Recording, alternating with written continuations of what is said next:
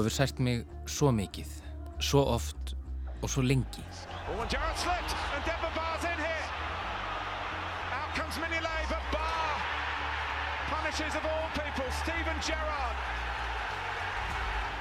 Ég þurft að skammast mín út af þér og hvernig þú hagar þér. And it's 1 0 to Sunderland, Jeff, and it's Darren Bent. It looks like it comes off Johnson, or it looks like it comes off a balloon on the pitch, and it's gone past Ray. balloon? Is it the balloon? It's it the balloon, Jeff. It's a heavy balloon, not one of them light ones, and it's wait, it's. It's the balloon. It's gone in. It's gone in. It would have gone to it would have gone to Rayner, and it's in the balloon and gone in. It's one 0 and so unlucky Liverpool. Unbelievable. Ítrekkað hefur þú tekið von mína frá mér, tekið frá mér draumana og látið þá rætast hjá öðrum. Manchester United have won 11 titles since Liverpool last got their hands on the league trophy. race of all time, but coming out on top again in the Premier League, Manchester City.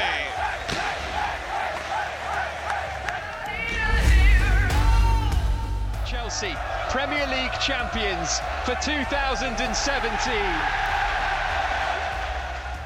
Inn á milli hefur þú veitt mér gleði stundir, augnablík sem ég aldrei gleymi. He saved it! The European Cup is returning to England and to Anfield. Liverpool are champions of Europe again. Og þó þessi augnablík, þessar litlu gleði sendingar, megi sín lítils í samanbyrði við allt það sem þú hefur lagt á mig, er það kannski ymmit vegna þessara augnablíka sem ég hef aldrei afneitað þér og ekki glemt þér. Ég haldi þið voninum að þú sérst sá sem þú segist vera og þú munir standa við gefin orð. I don't want to say we have to wait the next 20 years and I'm sit here again. I, I know when- when I sit here in four years, I think we won one title in this time. I, I'm pretty sure. Og það sem ég hef gert lítið úr þér og ástminni á þér. Vegna þess hvernig þú hefur komið fram við mig. Ég hef skammast mín. Ekki síst vegna þess að ég gat aldrei yfirgefið. Og ég hef aldrei glemt þér.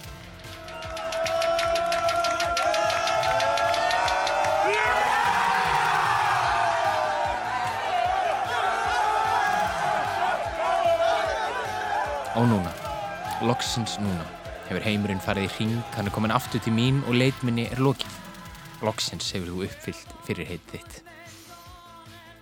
En allir draumar, allar okkar vonir og væntingar, þegar það loks rætast og eru orðnar að veruleika, þá eru þeir allt öðruvís sem þú bjóst við.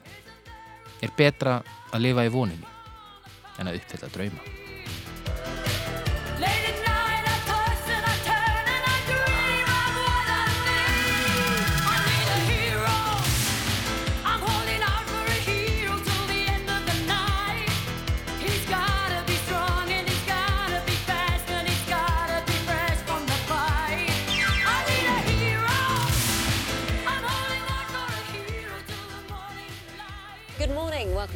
Breakfast with Charlie State and Naga Munchetti. Our headlines today 30 years of hurt come to an end as Liverpool are crowned Premier League champions.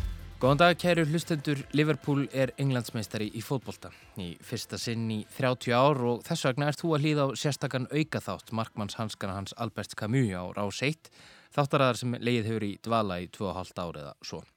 Já, það sem var óhugsandi hefur gerst og það þurfti að tjálta öllu til hér vóu salt, það er sýstur, dramatíkin og spennufallið. Þetta keppnistímabil verður lengi í minnum haft fyrir margra hluta sakir.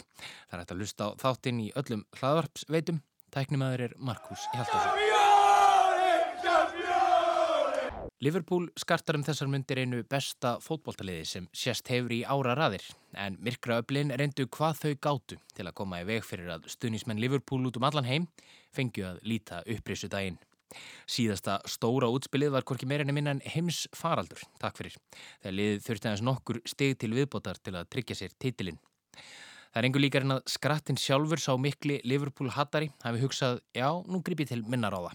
En kannski var Guð almáttugur með þessu öllu saman. Þjáning mannsins hefur verið honum hugleikin um aldir og það er hreint ekki alltaf sem hann svarar bænunum. Hann gerði það allavega ekki í sérstakri Liverpool-messu sem haldin var í Seljakirkju í fyrra þegar stunismenn Liverpool fundu nýja leið til að toppa sig og lögðu allt í sölurnar í vonum að tryggja titilinn.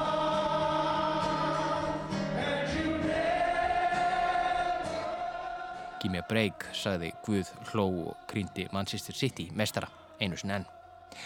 En ekki ár, ó nei, ekki ár. Í ár eru það fótum tróðnir Liverpool stunningsmenn sem gleðjast. Liðið sem hefur svo oft verið nála til að vinna ennska titilinn er loksins búið að sigla honum í höfn. Og það er gleðiðefni fyrir stunningsmenn Liverpool, ekki satt. Jú, maður myndi ætla það. En þetta eru þetta ekki svona einfalt. Þegar við klæðumst markmannshönskum löngulátins fransks existentialista þá reynum við hvað við getum til að flækja hlutina. Eða allavega reyna að skilja hvort það sé einhver dýbri merking á bakvið hitt og þetta í heimi íþróttana.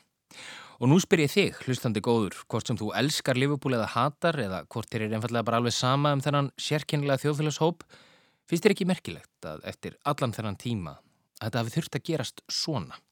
Í miðjum heims faraldri fjarrri stuðningsmönnum fagnuðu leikmenn Liverpool sigrinum. Nei, þeir voru ekki einu svona spila.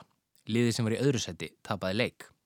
Eftir þess að ömurlegu byð eftir dýrðar deginum þá var augnabliki þegar Guð loksins síndi ásjónu sína og byrtist líðsínum eftir 30 ári í eðimerkinni, jafn ótrúlega lástemt og raun bara vitni. Þið fyrir ekki við dramatíkina hlustendur góðir, en svona virkar þetta bara.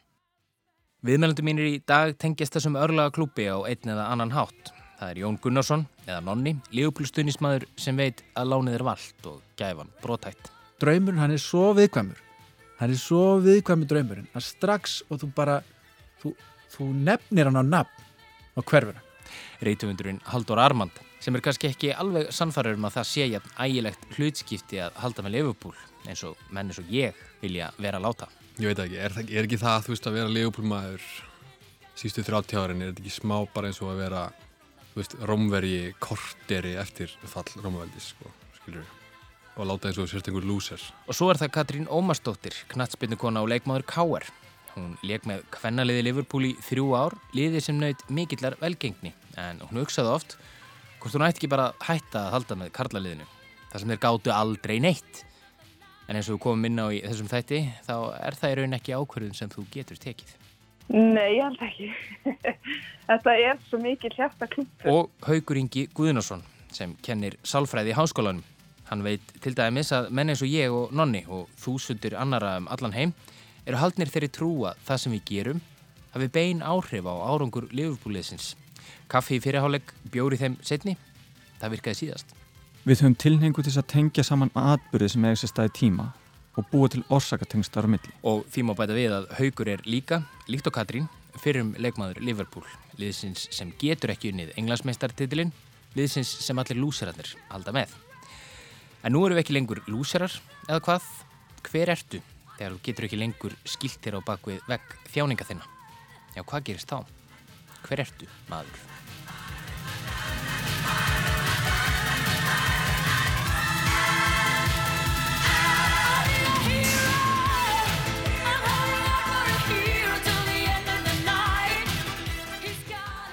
Þið hafi kannski gert ykkur grein fyrir því, hlustendur góðir, að hér talar auðvitað veruleika fyrtur stuðningsmaður Liverpool sem hefur talið sér trú um að það að halda með Liverpool sé einhver hræðilegustu örlög sem hægt sé að hugsa sér. Liðið hafi aldrei getað neitt, bara alls ekki neitt, þegar staðrindin er svo á þessu ægilega þurka tímabili síðast liðina 30 ára hefur Liverpool unnið enska byggarinn þrísvarsinnum. Deildabyggarinn fjórum sinnum, samfélagsskjöldin enska tvísvarsinnum, Evrópikeppni félagsliða einu sinni, sjálfa meistaradeildina tvísvarsinnum, Evróska ofurbyggjarinn þrísvarsinnum og síðan í desember síðastliðin með Liverpool heimsmeistari félagsliða. Þetta er ansi margi titlar, misstórir og missmerkilegir en titlar enguða síður. En það bara skiptir ekki máli. Í lífinu er það stórsögurnar sem skipta máli, ekki hliðarsögurnar. Og stóra sagan er svo að Liverpool virðist ekki geta unnið englasmestratitilin og höfðu þar til 25. júni aldrei unnið ennsku úrvalstildina sem var formlega stopnuð árið 1992. Liðið er þó einhvað síður eitt að sigursælasta í sögu ennska fótballtans og eitt vinsalasta lið í heiminum. Stuðningsmenn liðsins telja 20 ef ekki 100 miljóna út um allan heim. Þetta gæti auðvitað verið verra. Heit félagi minn heldur til dæmis með Aston Villa og Fram En það er eitthvað alveg dásamlega og um leið hryllilega sérstatt við það að halda með Liverpool. Vegna þess að það er svo ofbúðslega erfitt. Halló? Já, sæl. Heyrður í, í mér ákveðlega? Já, er þú í mér? Jó. Þetta er Katrín Ómarsdóttir, margrind landsliðskona í fótbolta og núverandi leikmaður Káer. Ég rætti við Katrín í síma þar sem hún er í sóttkví eins og allt Káerliðið eftir að kórunveru smitt greindist í móterja þeirra á dögunum. Katrín leik með kvennaliði Liverpool þrjú keppnistímabil frá 2013 til 2015 og naut mikillar velgengni, en liðið var tvísarsinnum englandsmestari á þessu tímabili. Síðan þá hefur kvennaliði Liverpool gengið bölvanlega og fjallum deild á nýjafstöðnu tímabili. Eigundur og stjórn Liverpool hafa lotið talsverða gaggrinni fyrir það hversu illa kvennaliði félagsins hefur verið synd, en enska kvennadeildin hefur styrst til muna síðustu ár. Liverpool hefur eins og er setið á hakanum. Jú, bara rosalega mikið og þetta er, veist, þetta er svo lítill peningur sko fyr, fyrir klúppin að, að finna þessu bara ágætlega og þetta er bara svona prinsip atrið þar sem að hvernig fólkvöldi er á uppleið og það er verið að styrkja og, og gera betur þar að þá finnst mér alltaf að eyða smá pening í uppbyggingu og gera þetta, gera þetta almennilega þetta kostar í raun ekki mikið með við það sem að við, með peningarna sem er í kallafókvöldanum. Þessi smánar blettur á félaginu er vonandi eitthvað sem færist til betri vegar á næstu árum en þrátt fyrir þetta segir Katrín að það verið frábært að búa á starfa í borginni, borg þar sem fótboltinn skiptir öllu máli. Það var slýst í rauninni allt, allt í kringum þetta, þetta er túrismin og þetta er líflína fólksins í borginni og það sem glæðir borginna lífi í rauninni. Og það sem gefur lífinu lit er árangur og framvistaða Liverpool kannski fyrir utan þá sem halda með Everton, hinnu stóra liðinu í borginni. Hinn skoski Bill Shankly berað miklu leiti ábyrð á mikilli velgengni Liverpool á sjönda og áttunda áratug síðustaldar. Shankly var karismatískur mjög og fekk fólkið í borginni í lið með sér, en það brindi hann fyrir leikmunum sínum að það væru forréttindi að fá að spila fyrir borgarbúa. Since I come here to Liverpool, or to Anfield, I've drummed it into our players time and again that they are privileged to play for you.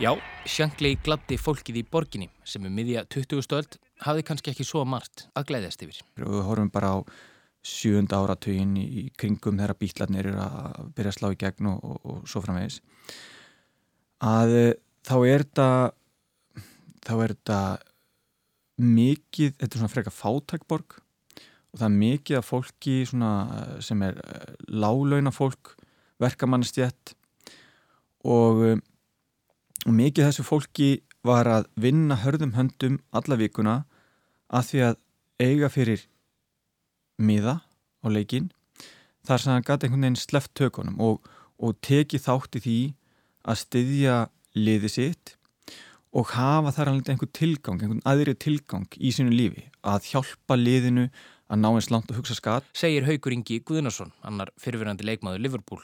Katrín segir að þetta sé svona miklu leiti enn og stuðningsmenn liðsins í Liverpoolborg lifa fyrir liðið, gleðjast yfir sigurum þess og gráta yfir ósigurunum. Og þetta er svona þeirra einhvern veginn átlett og er svona fögnur við, við lífinu sko að geta farið þarna leikina og styrliðið sitt og, og verið í kringum kringum alla hérna sem eru að styðja og einhvern veginn æ, þetta er bara svo mikið það er bara svo mikið hjarta í þessu hjá bara hvernig skapið er og hvernig fólk er í skapinu bara út vikuna bara hvernig liður spilaði Conquered all of Europe. We're never gonna stop. From Paris down to Turkey, we've gone and won the lot. But Paisley and Bill Shankly. En býtu nú við, ok, ég skil þetta allt saman, þú býrð þarna, þetta er liðið þitt. Síðustu ár hafa Íslendingar til dæmis glaðst ótæpilega yfir árangri íslensku landsliðana í fótbolta af sögum ástöðu, skiljanlega. En Liverpool á stuðnismenn út um allan heim sem langt fyrir lestir hafa aldrei unnið langan dag í verksmiði í Liverpool eða komið einu snið til borgarinnar.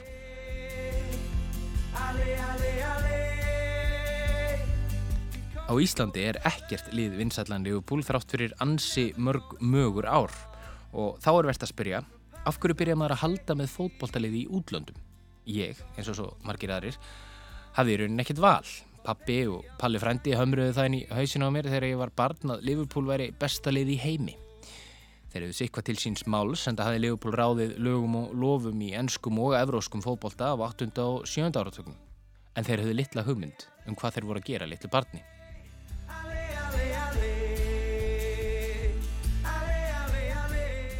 Og svo eru það þeir sem mynda sér sína eigin skoðun, eins og nonni.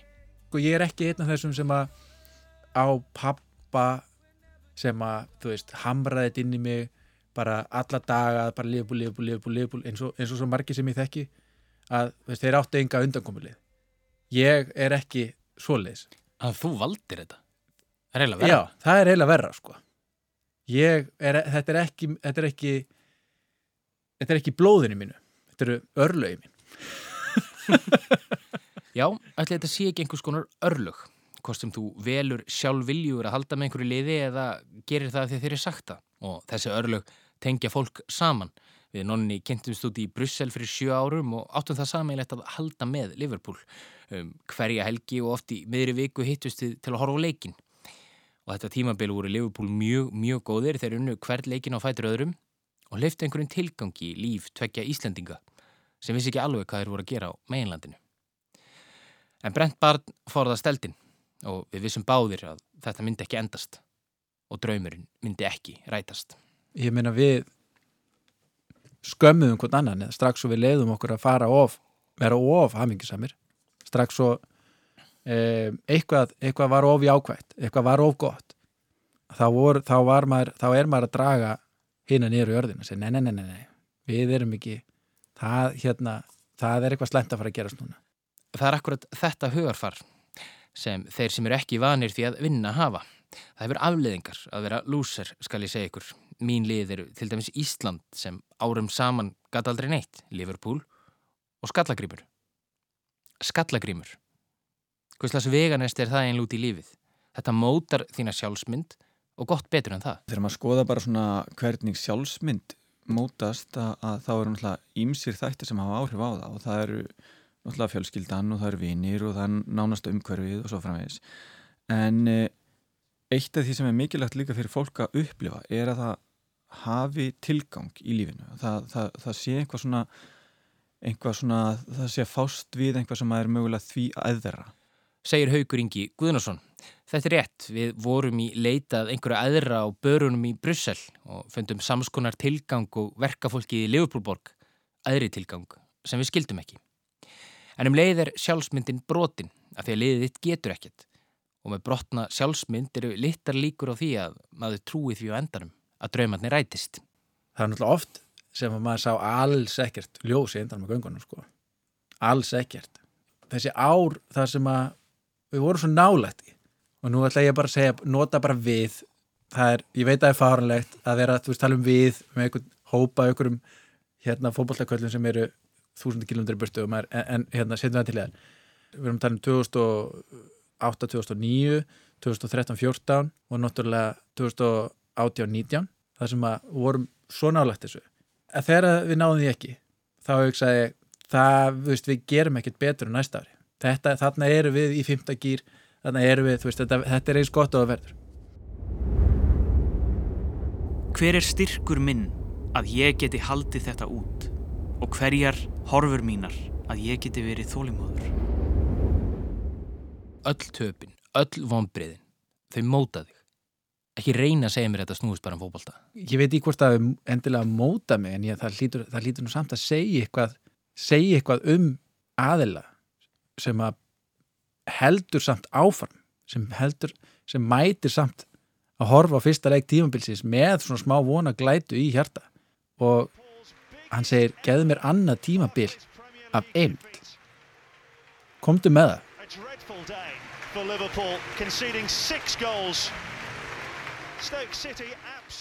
Og í ljósi þess að Liverpool virtist fyrir munað að vinna titilinn er kannski ekki skrítið að maður sé svona? Og svo þegar þú í borgarnesi á Íslandi byrjar að halda með Liverpool þá er ekki óeðlilegt að þegar þú jafnvel ferð að fylgjast með þessum klúpi, ferð út á leiki og svo framvegs að þú fallir einhver leitin í þá menningu sem er búið að búa til í kringum þennan klúb. Segir Haugur Ingi. Sem sagt, maður fellur ekki bara inn í góðu menninguna, heldur líka þá slæmu. En þetta er samt sem áður bara fótbolti og eins og ég komin á áðan þá eru vissulega til lélæri fótboltaliðin Liverpool og þá spyrir maður sig af hverju tekur Liverpool stuðnismæðurinn þetta svona inn á sig. Rítumundurinn Halldór segir þetta sé hluti af stærri sjálfsmyndakrísu. Þetta er ekki lífupólmaðurinn bara sá sem vill geta sagt sér að hann þjáist þó hann gerir það ekki í raun. Þú veist, hann er ekki, þú veist, að halda með lífupól er ekki eins og að elska mikka mús. Þú veist, þú ert ekki bara að halda með sigurverunum alla leið alltaf. Þú vill geta sagt þér eitthvað narratív um að þú sért einhvern veginn á leiðinni úr myrkrunu í ljósið. Getur verið að svo von sem hennir marg niðurlagðu stuðnismenn Liverpool hafa borið í brjósti hafi einmitt verið líflínan þeirra. Lang, lang, lang flestir draumar rætast ekki og það, það mísefnast eiginlega allt á endanum. Þegar ég bjóst við góðu kom ílt. Ég vænti ljós en þá kom myrkur. Af hverju við erum þá að standa samt í þessu öllu saman?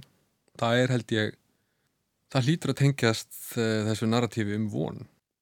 Vonin. Það er vonin sem heldur í okkur lífinu ekki satt. Vonin um að heimurinn getur orðið góður og hlutirnir verði eins og við viljum að þeir séu. Ef vonin er engin, já er þá ekki tilgangurinn með þessu öllu saman farin. Það er þekkt fyrirbæri í, í, í sálfræði að fólk getur um, þjáðust á því sem að kallast svona lært hjálpaleysi og, og það er það, er, það, virkar raun og þannig að fólk það upplifir að það sama sem ég geri það skiljar einhverjum árum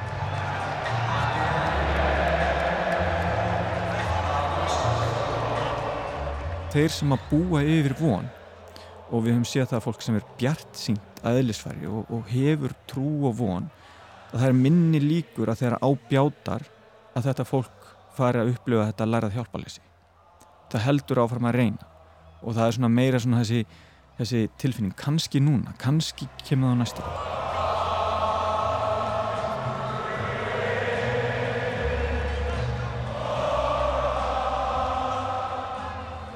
Svo von sem Haugur og Haldur nefna hér, vonin um að einn daginn verði þetta allt í lægi þrátt fyrir allar þessar hörmungar, er það eitthvað afl sem er ofar okkar skilningi? Tilfinning sem við getum ekki útskýrt? Trú, jafnvel.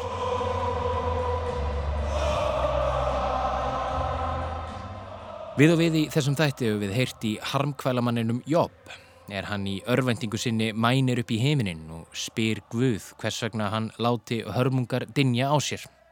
Jobbsbók er eitt af spekiritum Gamla testamentisins og segir frá hinnum auðuga hamingjusama og trúrækna Jobb sem lifir í vellistingu með fjölskyldu sinni. Satan sjálfur heldur að trúrækni Jobb sé einungis tengt í hver góður Guð hefur verið við hann og gerir veðmál við Guðum að taki hann frá Jobb allt það sem honum er kærast muni hann afneita Guði. En svo sönnum keppnismanni sæmir slær Guð til og til að gera langa sögu stutta þá fer allt ragleiðist til anskotans hjá Jobb. Börnin deyja og búfjörnaðurinn líka. Hann verður holdsveikur og lendir í fílikum hörmungum að mörgum þætti nógum. Ég vildi að gremja mín var í vegin og þjáning mín lögð á vogarskálar. Þar að hún er þingri en sandur sjávarins. Í lokakabla bókarinnar, sem er vissulega síðar í tíma viðbót, greinir frá því að Jobb fær á endanum heiminn tilbaka. Erfiðið var þá allt þess virði, eða hvað? En hver er Lexian, þú veist? Er Lexian svo, hann fær allt tilbaka af því hann þjáðist svo mikið? Nei, það er ekki Lexian. Lexian er ekki, þú þjáist nóg lengi og þá færðu heiminn tilbaka. Það er ekki Lexian. Við vitum ekki í raun af hverju hann fær allt tilbaka. Segir Haldur Armand. Sjálfur hefði ég viljað að bókin endaði eins og hún átti upphaflega að enda. En þessi Hollywood endir breytir því ekki að það er engin sérstök ástæða gefin fyrir þjáningum Jóps. Þetta er bara svona. Jób fær engin skilmerkileg svör við þjáningum sínum og þegar Guðlóks svarar honum, segir hann hún beinleginis að hætta þessu væli. Jobb upplifir mestu þjáningar sem hugsast getur einhvern veginn mjög lengi. Það bara gengur allt mjög illa og hann líður ofbóðslega illa, alveg ofbóðslega lengi. Og hann spyr sig af hverju en hann heldur samt alltaf áfram og þetta er náttúrulega bara myndlíking fyrir mannlega tilveru, þú veist, svona er líf allra, þetta er alltaf bara ykt mynd af því en þú veist, það, það er alltaf mótvindur og, og það eru svo mörg hérna skakkaföll og áföll og þú heldur áfram. Og þú veist ekki af hverju þessar uh, ófarir dinja á þér. Svo kannski ferði heiminn tilbaka tvöfaldan eins og jobb en það er það ekkert út af því að þú þjáðist. Eða verður englismistari eða verður englismistari en það er ekkert vegna þess að þú þjáðist svo lengi og mikið. Þú veist ekkert af hverju. Þetta er allt saman einn stóra ágata. Þótt ég sé vissulega veruleika fyrstur í stuðningi mínum við Liverpool ditti mér ekki í hug að leggja að jöfnu þjáningar Jóps eða annara sem hafa raunverulega fundið til sásöka því tægi og upplifun stuðnismanna ennsk fótballtaliðs á döpru gengi þeirra. En ég held samt sem áður að það sé eitthvað sannleikskvartni hérna. Heyrum aftur í Liverpool-manninum Nonna. maður sem að lifir eftir einhvern svona kóða hann er, hann er náttúrulega ekkit hamingisamur en það myndi ég hefði myndi aldrei skilgreina þessi ár sem liðbúlátaðandi með svona, jú, með kannski einhverjum örfáum undatæringum alls ekki hamingisamt líf alls ekki En samt heldum við áfram að mæta á barinn, samt heldum við áfram að vona. Að meðan við drukkum bjóru og að meðan Jobb sprengdi kíli í andlitin á sér, meðan við sirgðum brott hvarf Luis Suárez og Jobb sirði börnin sín, aðstæður sem eru kannski ekki alveg sambarilegar, tengdumst við. Við vonuðum að þetta myndi breytast. Þetta leiti sannarlega ekki út fyrir það. Af hverju? Vegna þess að við höfðum ekki val um annað. þetta er sá sem ég er ég get ekkert ég get ekkert hætt þessu ég, ég hugsaði ekki, ekki ég, ég gæti það en ég hugsaði ef þú gætir það er það, ef ég finna, er það, er það hægt getur, getur sagt bara að ég nenni ekki að bera þetta bakinu endalust ég ætla bara að fara og einbytta mér að eitthvað öðru Og það veit Katrín Ómarsdóttir sem hjælt með Liverpool lungu áður en hún fór að spila fyrir liðið. Ég veit ekki að ég tók nokkur á það sem ég var að pæli að hætta aldrei með Liverpool af því að mér var þetta ekkert ganga. Svo eftir að ég fór þanga að þá bara fattaði ég hvað þetta er ógeðslega flottu klúpur og bara mikil sál og hjarta inn í þessu félagi og einhvern veginn þetta lag sem spila fyrir leiki You Never Walk Alone og allir syngja með og það er bara já, það er einhver stemming sem er ekki eftir að lýsa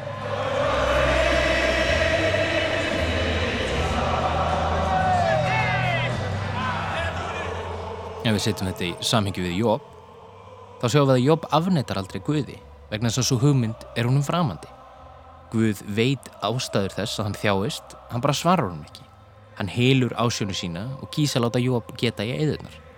Jafnvel þótt Jobb myndi vilja afnetta Guði og gæta það ekki, vegna þess að hann trúir á hann.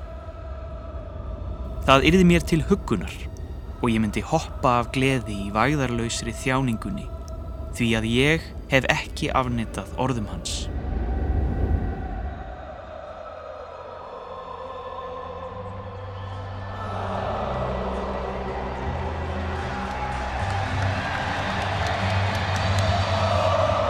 ég meina þetta meikar náttúrulega ekkert sens ef að ég væri að útskýra þetta fyrir einhverjum, bara einhverju gemveru Gem, ein gemvera kemur til, til jarðar hún er búin að, búin að lesa sér til um sko, mannseðlið og, og rökhyggju og, og bara hérna allt þetta og ég útskýrir þetta fyrir bara leggur henni bara hvernig þetta, veist, þetta meikar náttúrulega ekkert sens Credo quia absurdum, saði Tertullianus. Ég trúi vegna þess að það er fáránlegt. Stuart Atwell blows his whistle. And for the first time since 1990, the champions of England are Liverpool. En svo þegar það gerist, hvað gerist þá? Hvað þá? Erum við reyðu búin að horfast í augu við það að við eigum núna það sem við þráðum alltaf? og yfirleitt þegar svona sögur einhver svona píslasögur þegar þeim líkur þá færðið mitt ekki að heyra hvað gerist svo þegar þú ert búin að fá allt sem þú vilt segir Haldur Arman þannig að já, ég held að þín heimsmynd muni breytast þú getur ekki sagt sjálfu þér lengur að þú sért að einhver leiti hangandi upp á krossinum sko.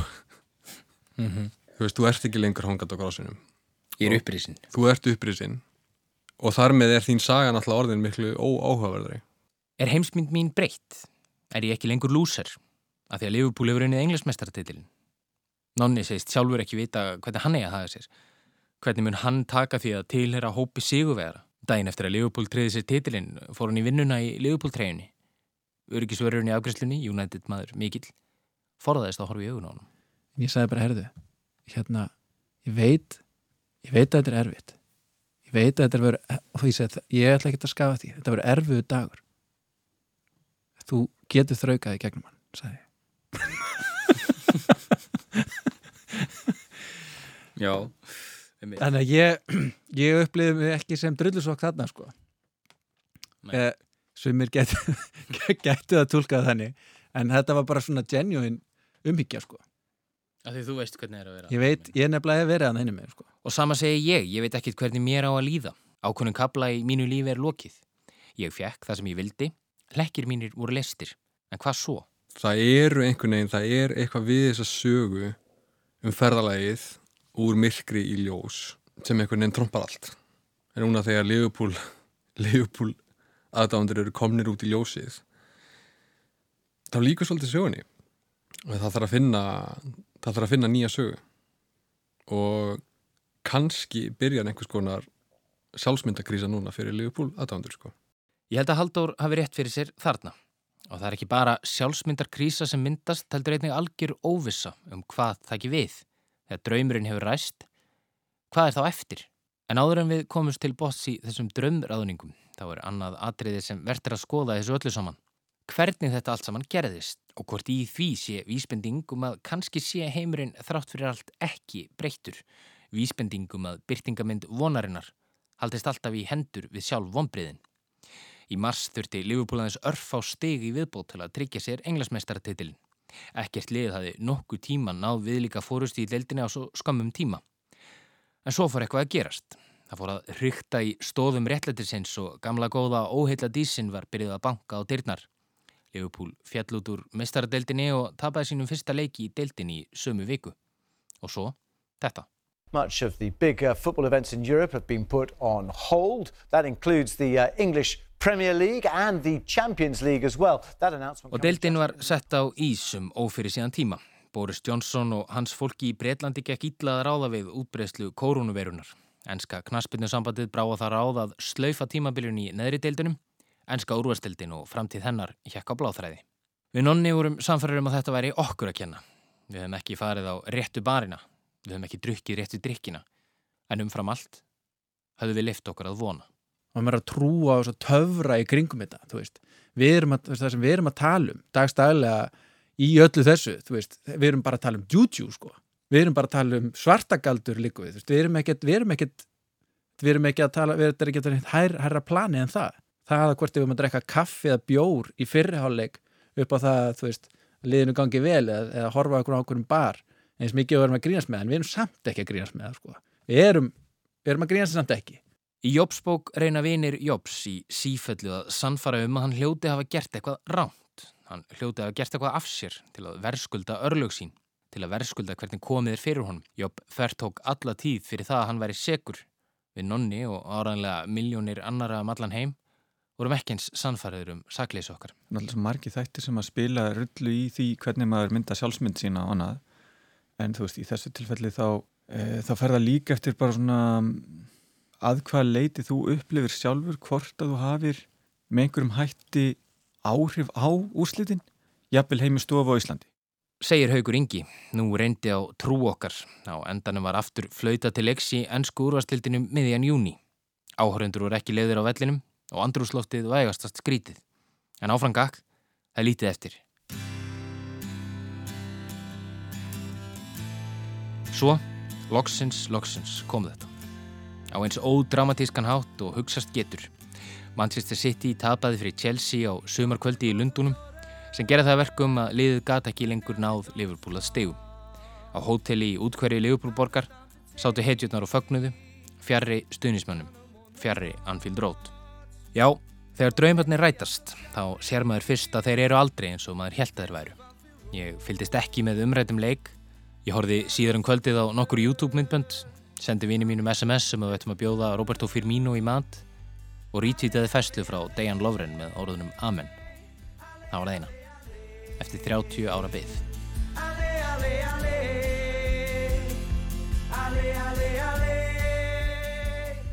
Katrín Ómarsdóttir tekur undir þessar blendnu tilfinningar. Sko, þetta var svona, þetta var bitter svít af því að, þú veist, að þetta var svona COVID, eitthvað svona og maður vissi þetta svo sem fyrir löngu síðan þetta væri að fara að gerast. Já, þetta var svona, kannski, kannski hafði COVID eitthvað smá áhrif en, en bara horfa myndböndin eftir, þú veist, á Twitter og allt þetta sem var á svona samfélagsmiðlum bara, ó, ég bara tár í augun, sko.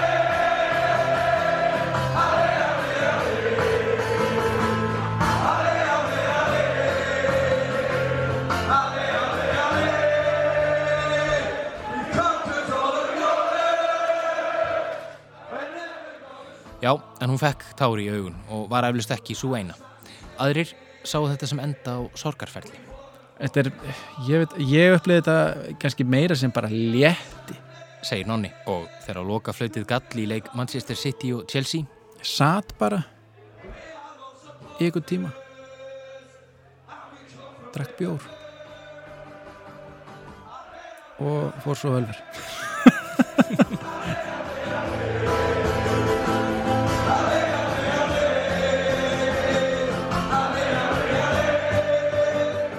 Og barnum heiti Nonni fyrir menn á öllum aldri, unga sem aldna, þá eldri sem þekktu það að sigra og þá yngri sem þau aldrei unnið neitt.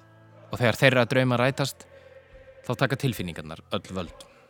Þeir voru að syngja og stóðu á borði og voru að hérna drukku mikið og undir lokin voru þeir farnir að slást sko. Þetta eru bara, li- þetta eru bara liðbúrmenn. Greinilegt sko að tilfinningarnar sumir, já, þeir vi- vissu kannski ekki alveg hvað þetta gera við þessar nýju tilfinningar. Hvað á maður að gera við að- að 30 ára af uppsafnaðari svona gremju Gott og vel. Við höfum komist að þeirri niðurstöðu að það er alls ekki svo auðvelt hlutskipti að halda með fótballtaliði sem getur ekki unnið titilinn. En svo þegar hann loksins vinst þá er það kannski ekki svo auðvelt hlutskipti heldur. Er þetta ekki akkurat hlutskipti mannsins að lifa í von en verða fyrir vonbriðum, fá að líta upprisuna og hafa svo áhyggjur af því að þú getur ekki viðhaldið því ástandi? Og hver er þá lærdómurinn af þessu öllu saman? Jú, við höfum þörf fyrir það að tilheyra einhverju, við höfum þörf fyrir að elska eitthvað en líka að vera elskuð tilbaka.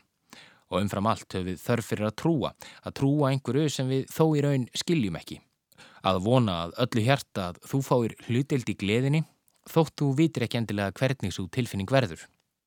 Ég myndi ekki segja að Liverpool stereotýpan tegði á guði í þessum hefðbundna skilningi, farið með bænir, sæki messur og vonist til þess að lifa að eilifu í konungsríki kærleikans. En getur verið að trú Liverpool mannsins sér hún ekkit annað en trúin einmitt á guð Jópsbókar, guð sem liggur í vari og þráir að þú viðurkennir hann.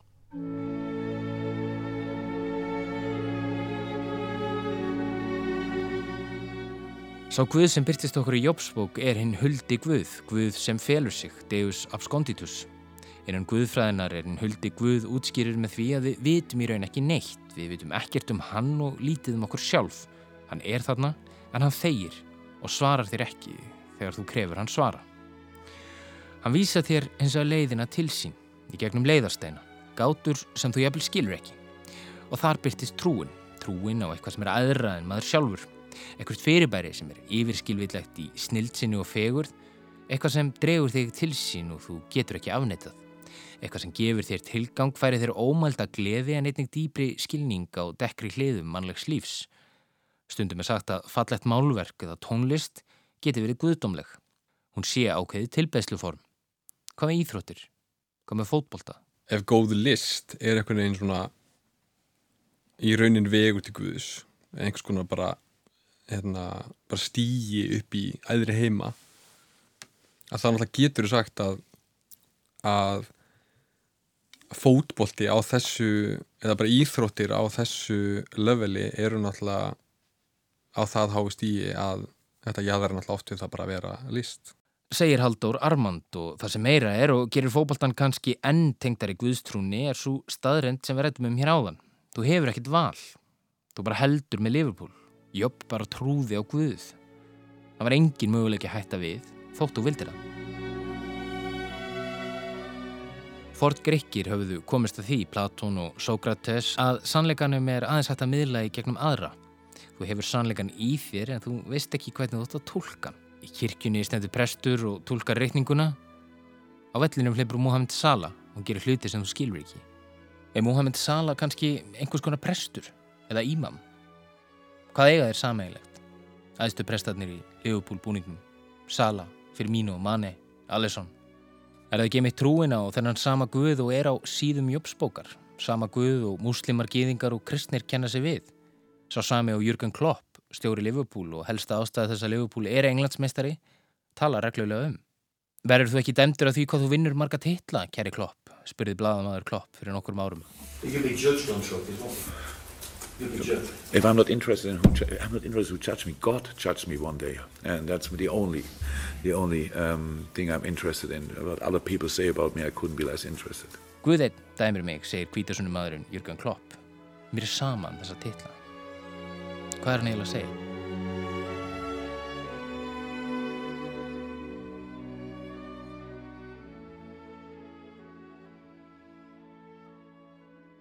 Þú varst í Liverpool, þú varst í liðinu. Já, ég, ég fór út eh, áramótið, ég, ég fer út flýg út til, til Liverpool 98 annan janúar 1998 og geri samning við Liverpool til þryggja og hálsás þannig að ég, ég tók þátt í, í fjórum tímabilum með klubnum Segir Haugur Ingi Guðnarsson. Áður en Haugur lagði stund á sálfræði var hann nefnilega alveg djöfulli góður í fótbolta. Á sama tíma og Haugur er í liðinu er ungur leikmaður að nafni Steven Gerrard að koma upp úr úlingaliði félagsins og brjóta sér leiðin í aðaliðið. Gerrard Houllier, sem þá var nýtekin við liðinu, hefur mikla trú á nafna sín með Steven. Ég hafði spilað einhverja leiki með Steven Gerrard í varleginu, hann hafði svona komið aðeins inn á og, byrjaði einn eitt leik og, og ég hafði ekkert endilega tekið sérstaklega eftir hann. Smám saman fór Haugur að sjá hvistlas hæfileikar byggu í Steven Gerrard. Gerrard átti eftir að spila með Liverpool til ásins 2015. 17 ár, allt í allt. Hann var fyrirlið liðsins og langbesti leikmaður um ára byll. Hann lifti enska byggarnum, enska deildabyggarnum, mestaradeildabyggarnum og nokkrum öðrum. En aldrei enska mestaradeildinum. Það er nefnilega svo að allar píslarsögur þurfa sinn píslar vott. Hann er svona, kannski svona holgerfingur að mörguleiti síðustu 30 ára hjá Liverpool þar sem að hann hafði gífulega hæfileika að vara svona alltaf næstum því og það endur speglast náttúrulega og kristallast í þessum, þessum uh, leikamóti Chelsea þegar hann rennur rassin og, og kostar liði titil þegar allir meira að minna aðdáendur fótboltans uh, hvort sem í Englandi eða utan Englands hugsu, já já, þetta er svona eitt af þeim síðustu tímabölum Gerrard jafnvel þó ég styði ekki Liverpool þá mun ég una því að Gerrard fá að taka titilinn og fagnan mán hættir þá gerst þetta og, og, og það held ég að kannski fengi marga eins og þig og fleiri til að hugsa ok, fyrst að þetta gerist þá munum við aldrei ná til hérna Steven Gerrard er í dag nýjórðin færtugur. Hann eitti meiri hluta æfisinnar í að reyna að láta drauma sína rætast, drauma sína og miljóna annara.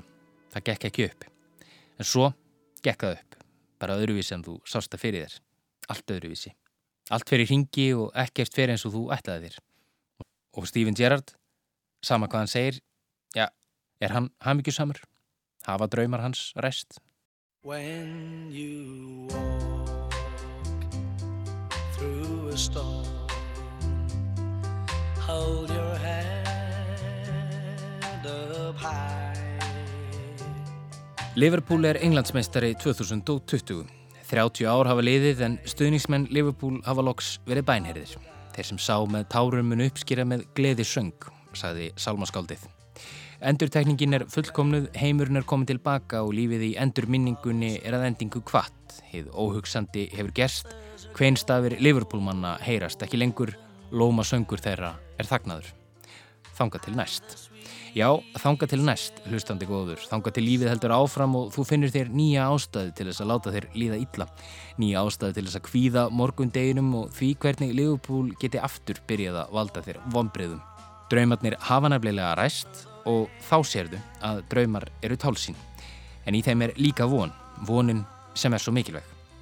Vonin sem gefur tilgang, vonin sem veitir þér engin sör vegna þess að þú vilt þau ekki. Kanski líða önnur 30 ár þar til Liverpool vinnur titilina nýju. Mínir menn er allavega strax byrjaðir að leifa mér að vona að stuðnismenn Liverpool þurfu ekki að höndla sannleikan lengi og megi fljótt aftur hverfa inn í óravítir óvissunar þar sem þeim líður best og þar sem Guð hilur sig. Four. Í fyrsta leik eftir að ljóst varð að Liverpool væri orðið englandsmeistari kjöl dróu Manchester City Liverpool 4-0. Takk fyrir það strákar, allt er fullkomnað. Er þá ekki allt eins og það á að vera? Jú, kannski. En gleymi því ekki að í læginu fræga sem stuðnismenn Liverpool syngja bæði fyrir og eftir leiki og hafa gert áratugum saman, You Never Walk Alone, er það vonin sem er leiðastefið.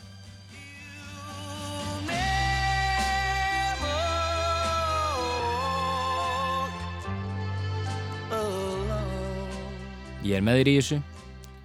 Það er ljós við enda gangana, þótt við sjáum það ekki alltaf.